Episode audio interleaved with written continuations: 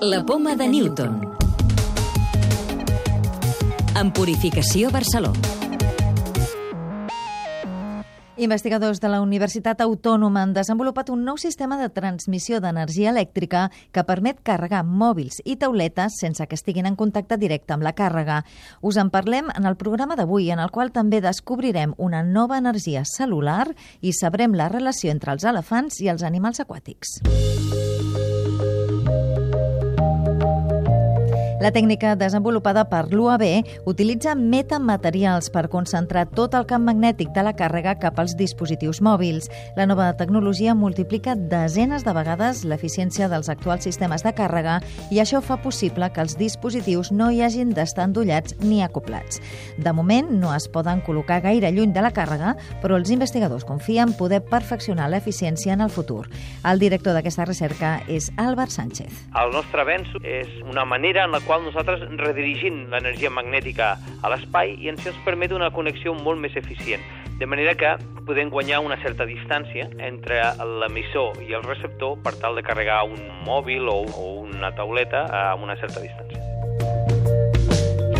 una manera, diríem, universal de millorar la distància en qualsevol d'aquestes tecnologies, tant la que hi ha present, que és per distàncies molt, molt curtes, com la tecnologia futura que tindrem d'aquí dos o tres anys només, que permetrà unes distàncies una mica més llargues. Diríem que la nostra tecnologia millora eh, les dues tecnologies.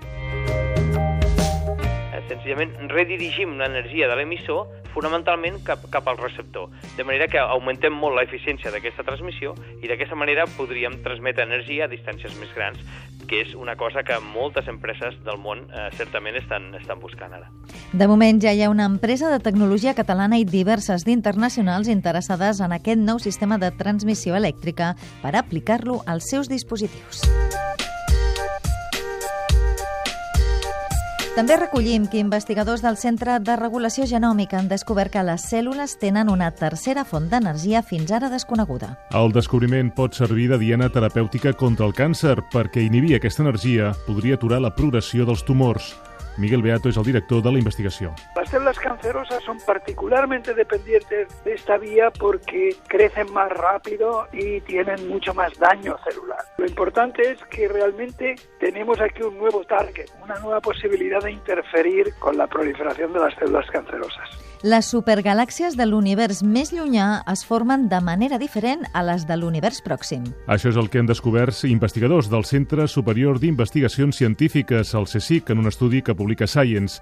Les grans galàxies de l'univers pròxim s'han creat per acumulació d'altres galàxies més petites, que s'han anat ajuntant per forces gravitatòries però les galàxies llunyanes podrien sorgir, segons l'estudi, a partir de grans reserves de gas fred formades bàsicament per molècules d'hidrogen.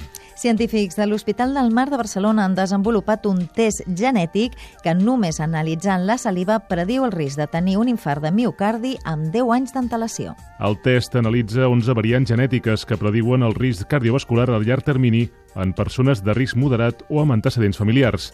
L'anàlisi també pot servir per complementar el diagnòstic sobre persones que tenen factors de risc clàssics, com poden ser l'hipertensió, tabaquisme, diabetis, obesitat o colesterol alt. La clau de volta.